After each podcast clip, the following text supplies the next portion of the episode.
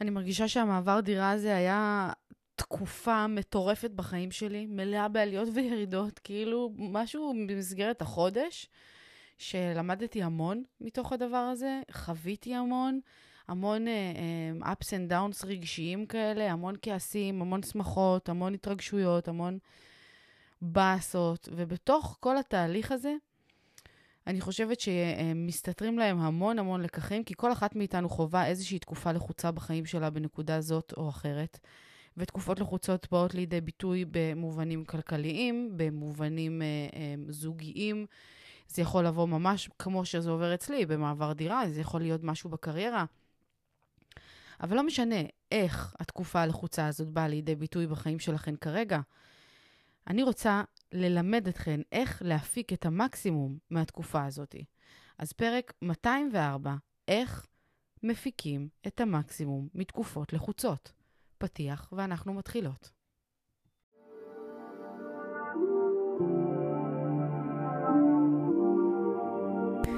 ברוכות הבאות יקירותיי לפודקאסט אימפרית אמהות בצמיחה.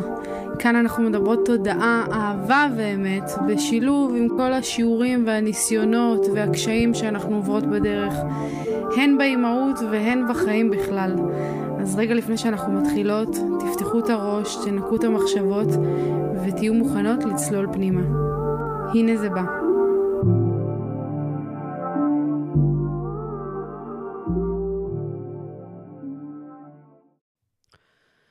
זאת הייתה הפגרה הכי ארוכה שהייתה לי עד כה מהרגע שהתחלתי את הפודקאסט.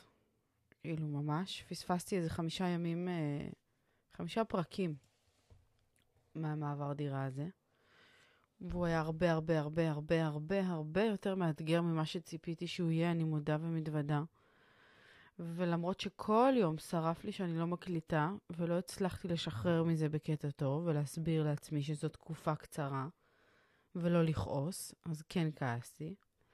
אבל הבוקר כשהתעוררתי והבית כבר היה נראה כמו בית, ולא כמו אתר בנייה, כבר התחילה לדגדג לי הבטן, והבנתי שהייתי צריכה את ההפסקה הזאת בשביל השפיות שלי, וגם בשביל היצירה שלי. ואני, כאילו, אחת הסיבות ששרף לי באמת, זה כאילו, כי כל יום היה איזה משהו שאמרתי, יואו, על זה אני אדבר. על זה אני אקליט, זה מה שאני אעשה.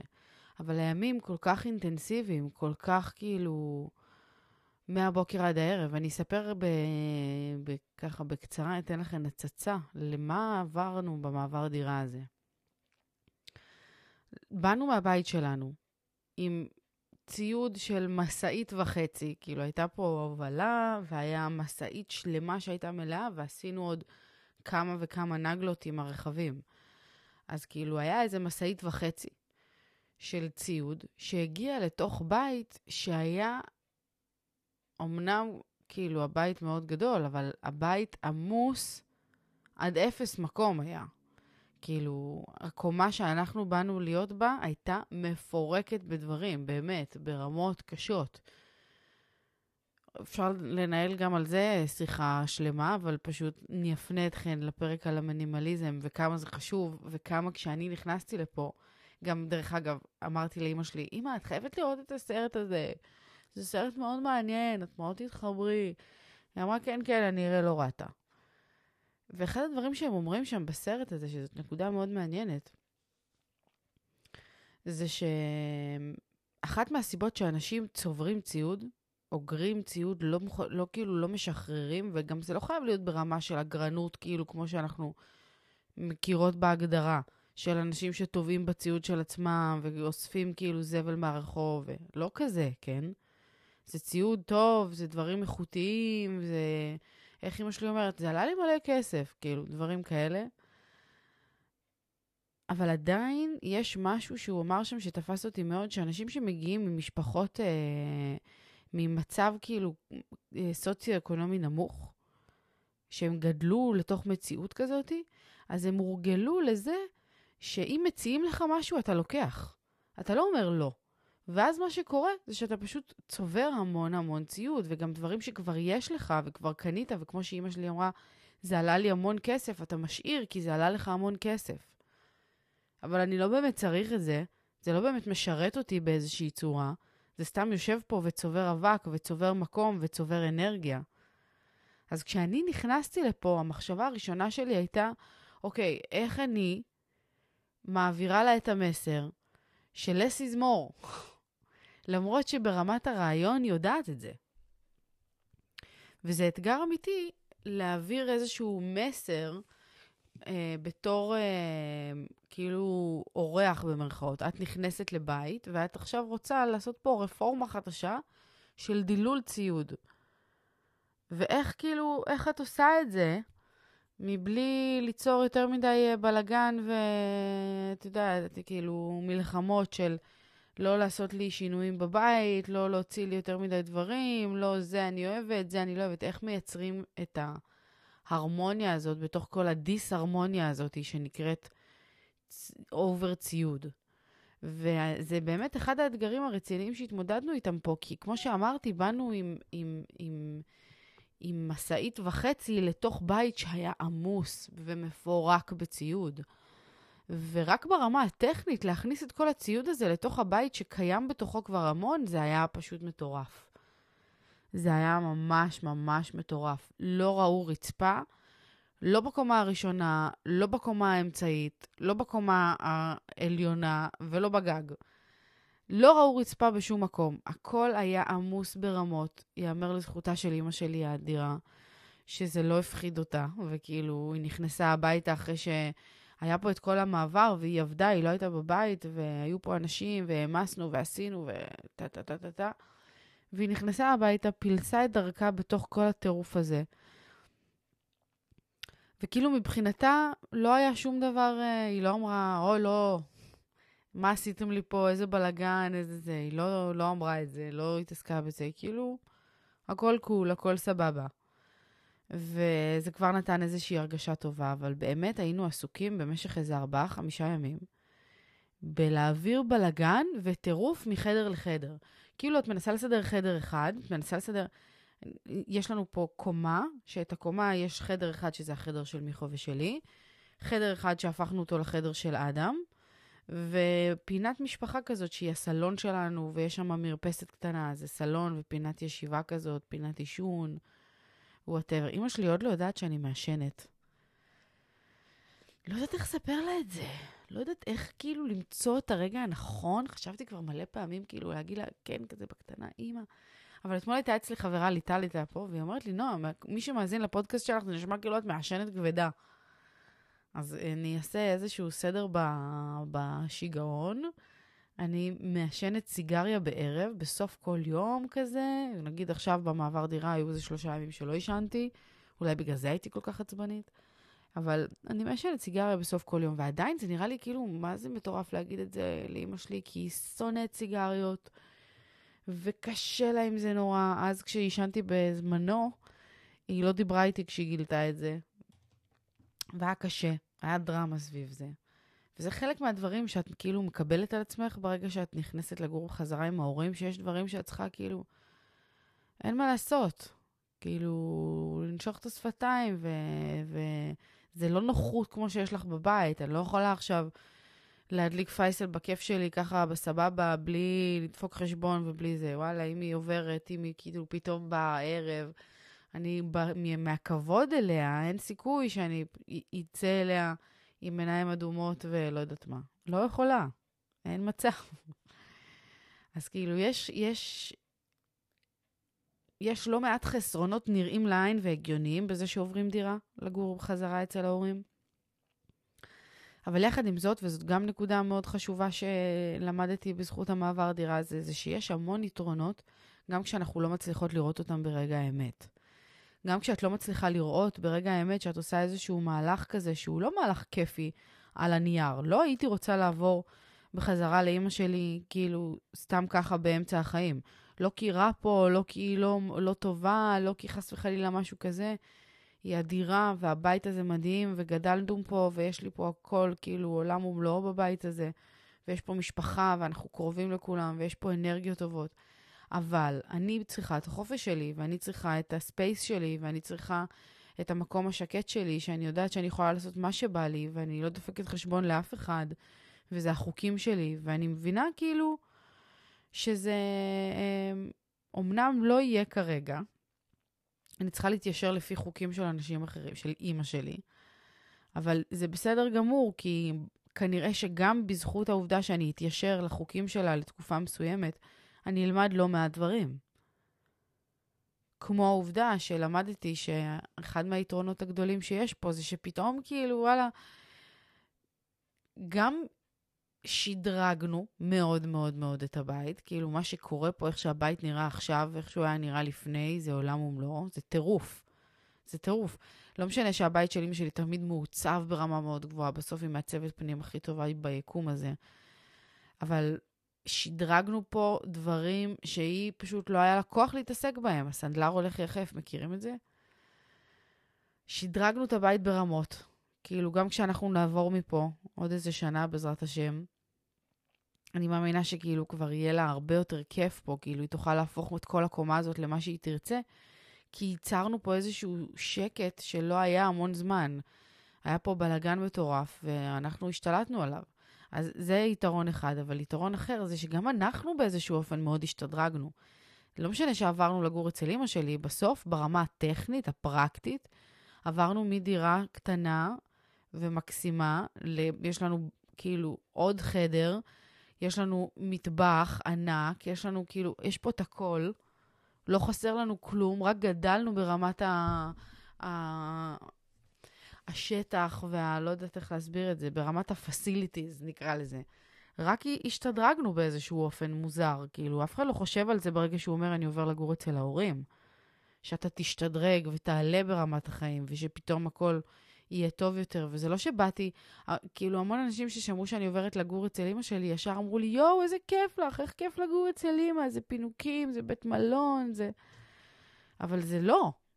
כאילו, זה לא בקטע הזה כיף. כי אמא שלי אישה מאוד מאוד מאוד מאוד עסוקה. היא חוזרת הביתה לאכול ולישון, זהו, אלא אם כן זה שבת, ואז היא נחה. וזה לא שיש לי עכשיו פה איזה בייביסיטר צמוד, שהיא כל היום עם אדם, והיא עושה לי כביסות, והיא מבשלת לי, זה ממש לא הסיפור. ממש לא הקטע. ועדיין, אני רואה כאילו איך כל הדבר הזה, גם ברמת האנרגיה, הוא מאוד מאוד טוב לנו. גם לאדם, אני רואה אותו מבסוט חבל על הזמן פה כל הימים האלה.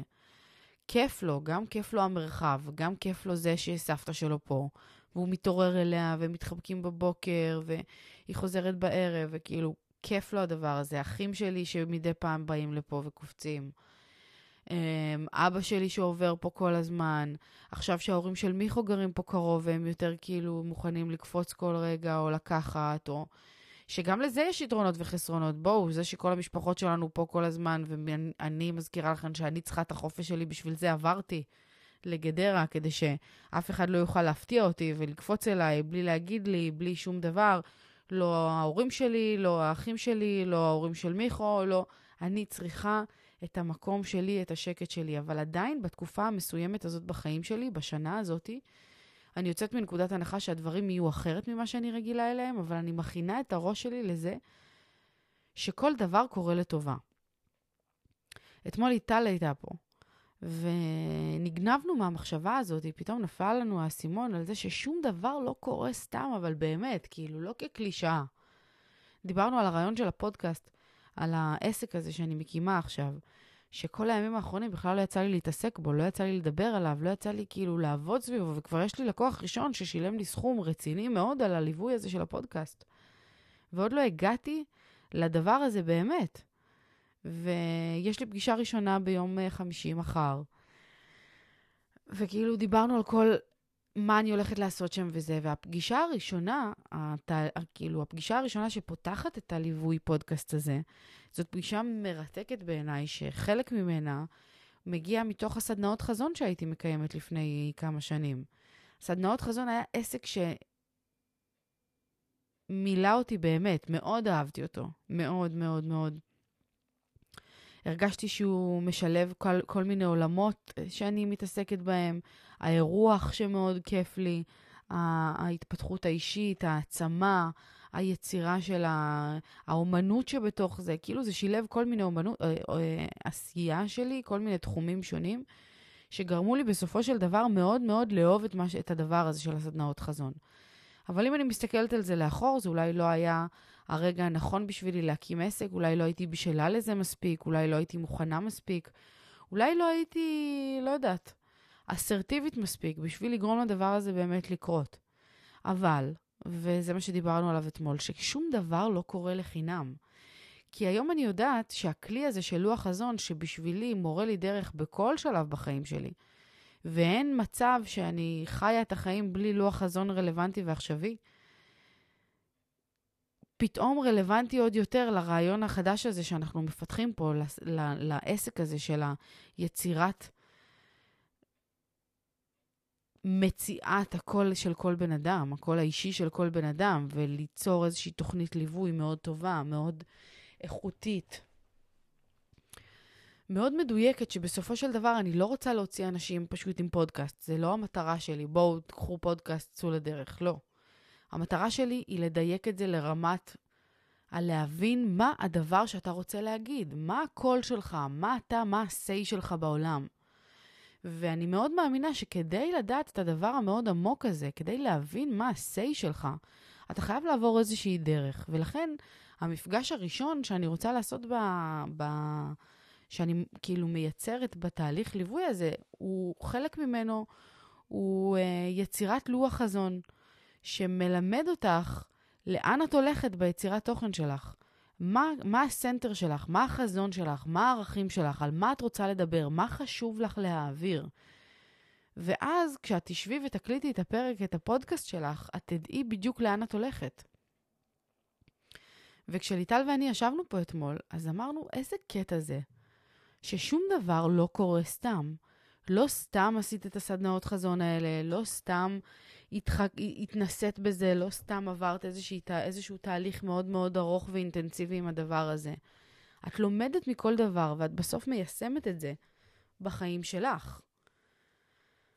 ואני מסכימה, זה, זה שיעור מאוד מאוד חשוב שכאילו אנחנו לא מצליחות לראות ברגע האמת. כשמשהו לא הולך, כשלא הלך לי והחלטתי שאני סוגרת את הסדנאות חזון, אז כאב לי על זה והתבאסתי מזה, כי ידעתי שיש לזה המון ערך, ופשוט לא ידעתי להוציא את הערך החוצה בצורה שאנשים... כאילו, מי שהגיע לסדנאות חזון, הבין במה מדובר, חזר לזה פעם אחרי פעם אחרי פעם, אבל לא הצלחתי באותם ימים לייצר את הבאז סביב זה, למשוך את הקהל, לא... פחדתי נורא ממכירות, פחדתי נורא משיווק, לא יכולתי לדבר על עצמי במונחים האלה, ועשיתי דרך מאוד רצינית מאז ועד היום בלהבין שוואלה, אני נותנת ערך אדיר בעולם הזה, וזאת החובה שלי לשווק אותו, זאת החובה שלי למכור אותו. אני חייבת לשים את עצמי בפרונט, אני רוצה לעשות את זה בשמחה, בגאון, אני לא אתבייש יותר לעמוד ולהגיד מחיר ולג... ולה... ולהגיד שזה מה שאני עושה וזה מה שאני מציעה לכם, וזה הסיבה, זאת הסיבה שבגללה אתן חייבות את זה. אתם חייבים את זה בחיים שלכם, כי זה יעשה לכם ככה וככה וככה. וזה תהליך. וזה תהליך, וזה משהו שעוברים רק בזכות תקופות אינטנסיביות בחיים.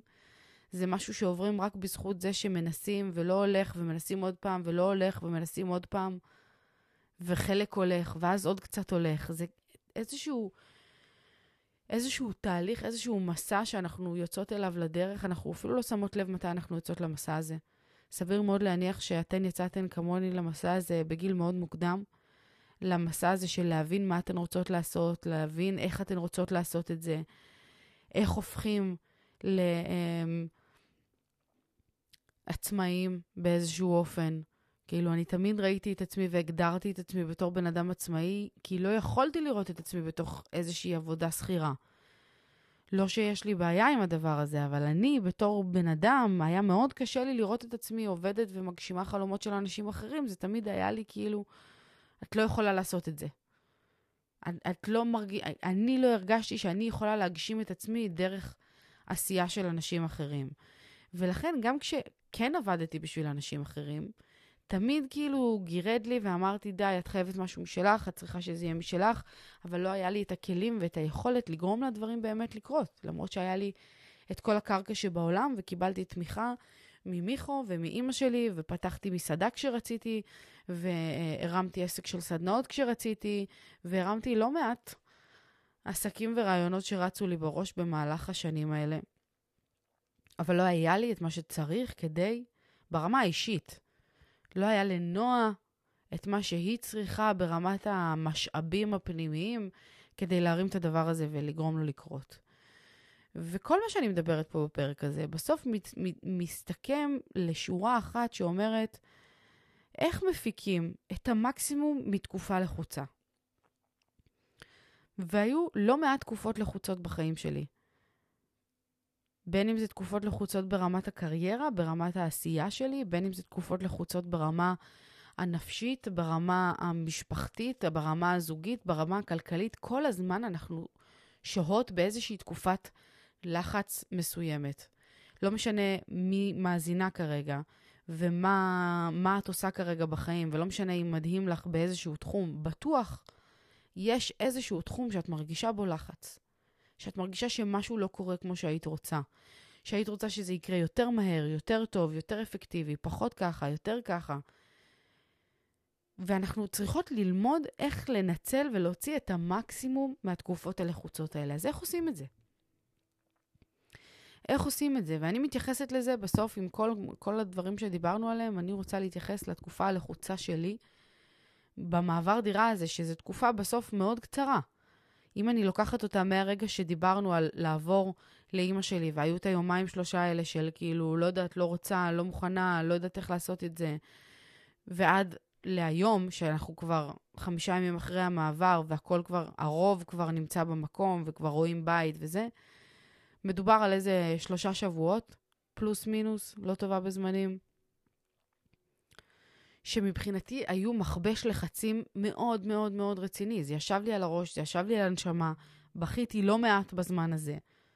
כעסתי לא מעט בזמן הזה.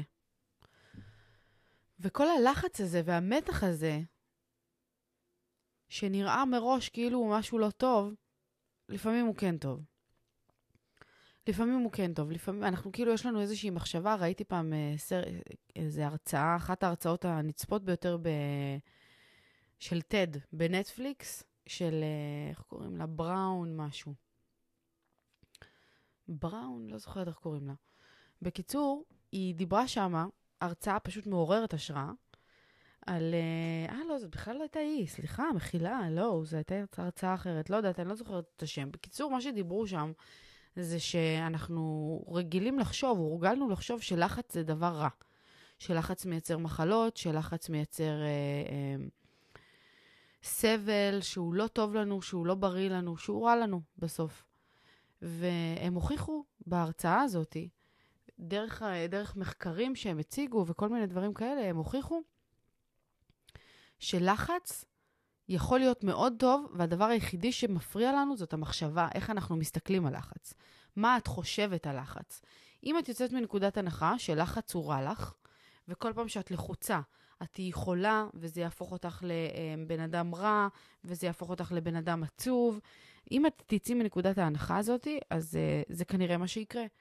אבל אם את תגידי לעצמך שלחץ במידה מסוימת הוא דווקא מאוד מאוד מאוד מועיל, הוא זה שיקדם אותך קדימה, הוא זה שיוציא אותך מאזור הנוחות, הוא זה שיגרום לך לקחת צעדים שלא היית לוקחת אם לא היית באותו מקום. אם תסתכלי על הדבר הזה בצורה הזאת, אז תגלי שלחץ זה כנראה אחד הדברים הטובים שיכולים להיות לך בחיים. בוא נגיד שבמשפט הזה, לחץ הוא הדבר הכי טוב שיכול להיות לך בחיים, אני באופן אוטומטי חייבת לסלוד לזה, אבל אני כן מבינה את מה שהם אמרו שם בהרצאה. אני כן מבינה את זה שכל פעם שאנחנו הרי לא רוצות להיות לחוצות, אנחנו לא רוצות להיות במצב הזה. אם היינו בוחרות מראש, לא היינו רוצות תקופות לחוצות, והיינו רוצות שהכל יקרה בקלילות ובסבבה ובכיף ובאורות.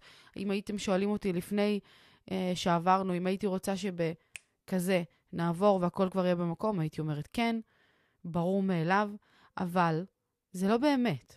כי אני מבינה עכשיו, כאילו, כשאנחנו נמצאות בדיעבד, אני מבינה כמה משמעות וערך יש לתקופה הלחוצה הזאת. אז איך מוציאים ממנה את המקסימום? הדרך המהירה והטובה ביותר אה, אה, להפיק את המקסימום מתקופה לחוצה, ולא משנה מה האורכה של התקופה, היא קודם כל להסתכל עליה בעיניים חיוביות. באמת, לא ברמה קלישתית. להסתכל ולהגיד, אוקיי, לזכור שזה לא לנצח. זה משפט שאמרו לי כמה פעמים בימים האחרונים, ואני כל פעם שאומרים לי אותו, הוא משמח אותי. זה לא לנצח, זה עוד מעט נגמר. את לא תעברי דירה לנצח, לא לנצח את תישארי בבלגן הזה. עוד יום, עוד יום, עוד יום. בסוף זה נגמר, בסוף זה עובר. תזכרי את זה מעל הכל ולפני הכל. דבר נוסף, תבקשי עזרה. תבקשי עזרה, תבקשי עזרה, תבקשי עזרה, תבקשי עזרה. לא פשוט לכולם, גם לי לא פשוט לבקש עזרה, לא, זה לא הדבר הכי קל לי בעולם. אה, זה תמיד אה, גורם לי להרגיש לא, לא בא לי להכביד על אנשים, לא רוצה ככה, לא רוצה זה. אבל אני ביקשתי עזרה. בין אם זה אה, אנשים נהנו לעזרה שלי, אם קיבלתי יד או לא קיבלתי יד כשהייתי צריכה, זה דבר אחר. אבל אני עשיתי את שלי, ואני פניתי למי שיכולתי וביקשתי עזרה. לחברות שלי, למשפחה, ביקשתי שיבואו לעזור לי להעמיס, ביקשתי שיבואו לעזור לי לפרוק, ביקשתי שיבואו לעזור לי עם אדם, ביקשתי שיבואו לעזור. וזה אה, עשה את העבודה.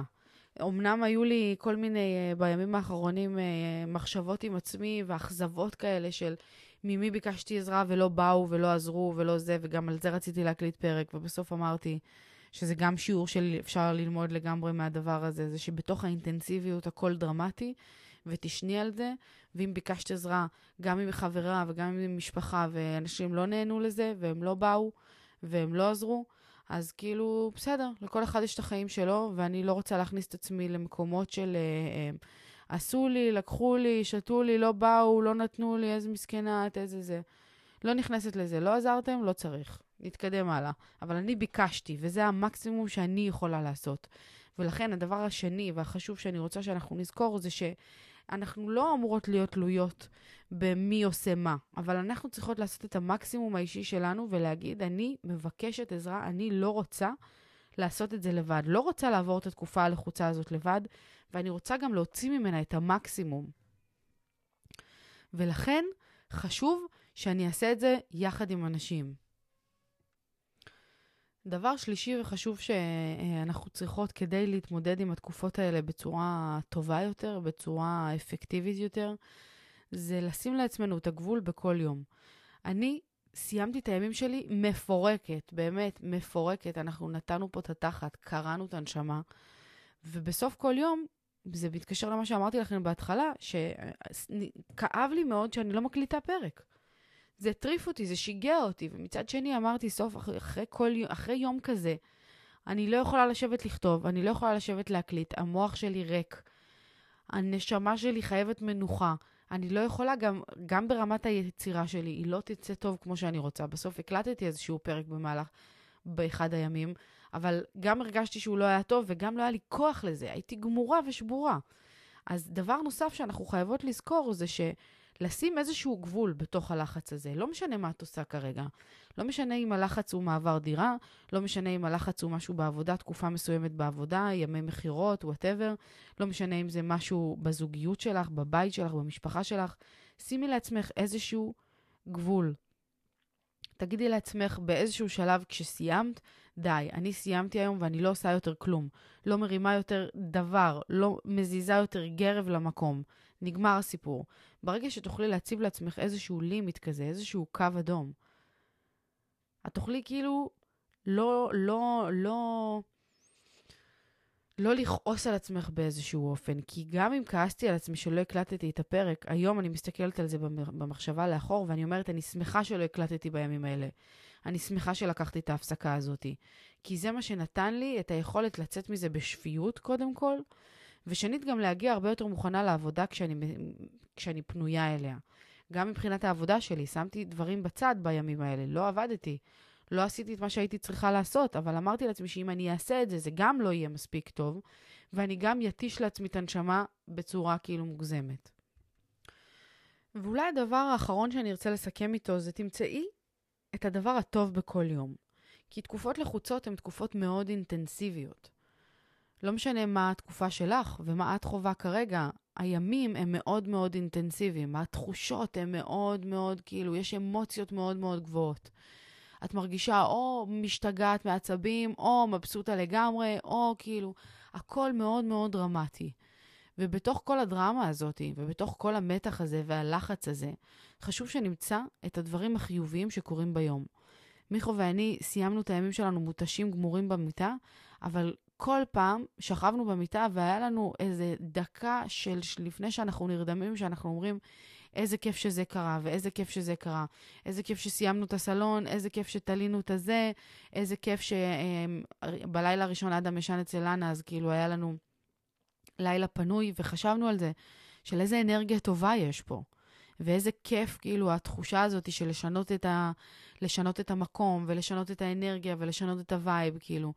אז כל פעם מצאנו את הדבר הטוב שהיה ביום, וסיימנו עם זה את, את, את היום שלנו. לא משנה מה עברנו, ולא משנה כמה רבנו ביום הזה, ולא משנה מי עצבן אותי, ואימא שלי עצבנה אותי, וחברות שלי עצבנו אותי, ואדם שיגע אותי, וכל פעם היה משהו, ואני עצבנתי את עצמי. כל פעם היה משהו שעצבן אותי במהלך הימים האלה, והמתח הציף אותי, והייתי כאילו מתה שכל הדבר הזה ייגמר, אבל הצלחנו למצוא את הדברים הטובים בכל יום שהיה, וזה גרם לנו ללכת לישון עם חיוך, וזה גרם לנו לקום עם חיוך, ולמרות שבאמצע היו לא מעט אה, לא חיוכים, והיו לא מעט אה, כעסים ועצבים, בסופו של דבר, הצלחנו לראות את הטוב בדברים שהיו, וזה גרם לתקופה הזאת גם להיזכר אצלי בראש כבר עכשיו, כשאני מרגישה שהיא לקראת הסוף שלה, זה, זה יצרב לי בראש כמשהו חיובי. זה יצרב לי בראש כמשהו שגדלנו ממנו.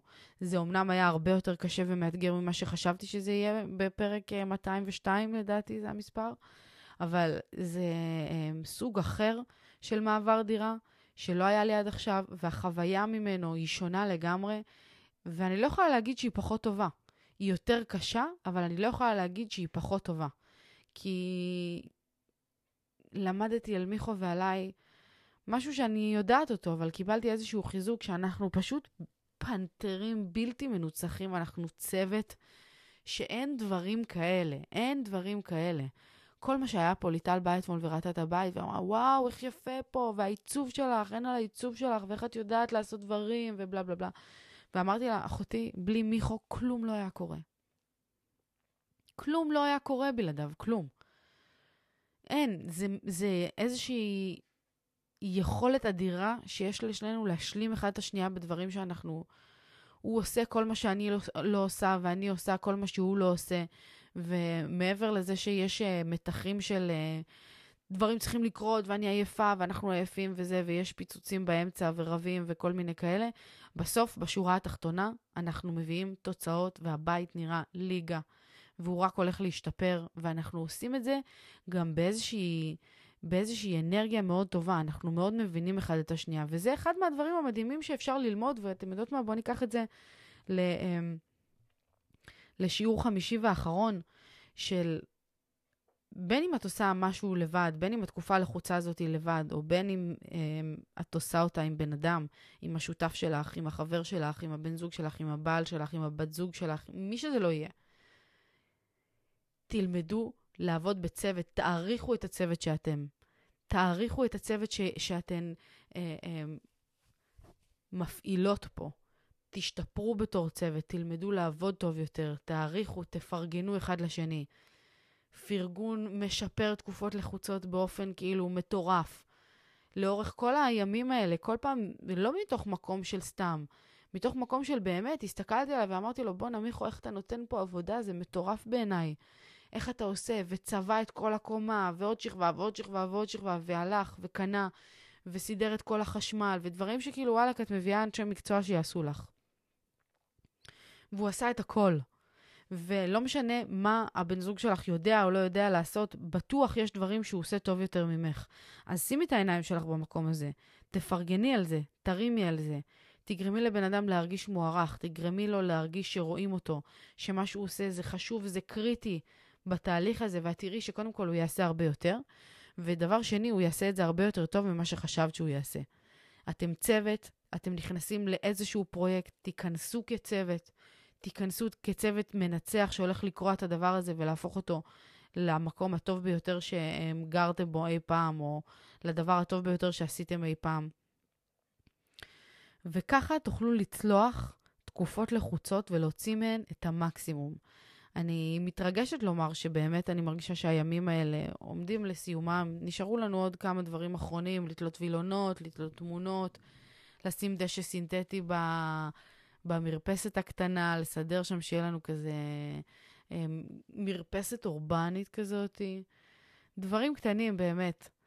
ו- ו- ואני מאוד מאוד גאה בנו על התהליך הזה שעברנו פה, וזה באמת תהליך, זה אולי נשמע קצת דרמטי, אבל זה תהליך של שלושה שבועות, אולי חודש, לא יודעת, שלמדנו מהם המון וגדלנו מהם המון. וזהו, יש לי פה אורח, קיבלתי פה את אדם, שמיכו היה צריך להתפנות, אז אני מסיימת את הפרק הזה. אני אוהבת אתכם מאוד. אדם, דש לכולם. דש, תמסור דש. תמסור להם דש. אוקיי, יאללה. צ'או, נשיקות, נתראה, ביי.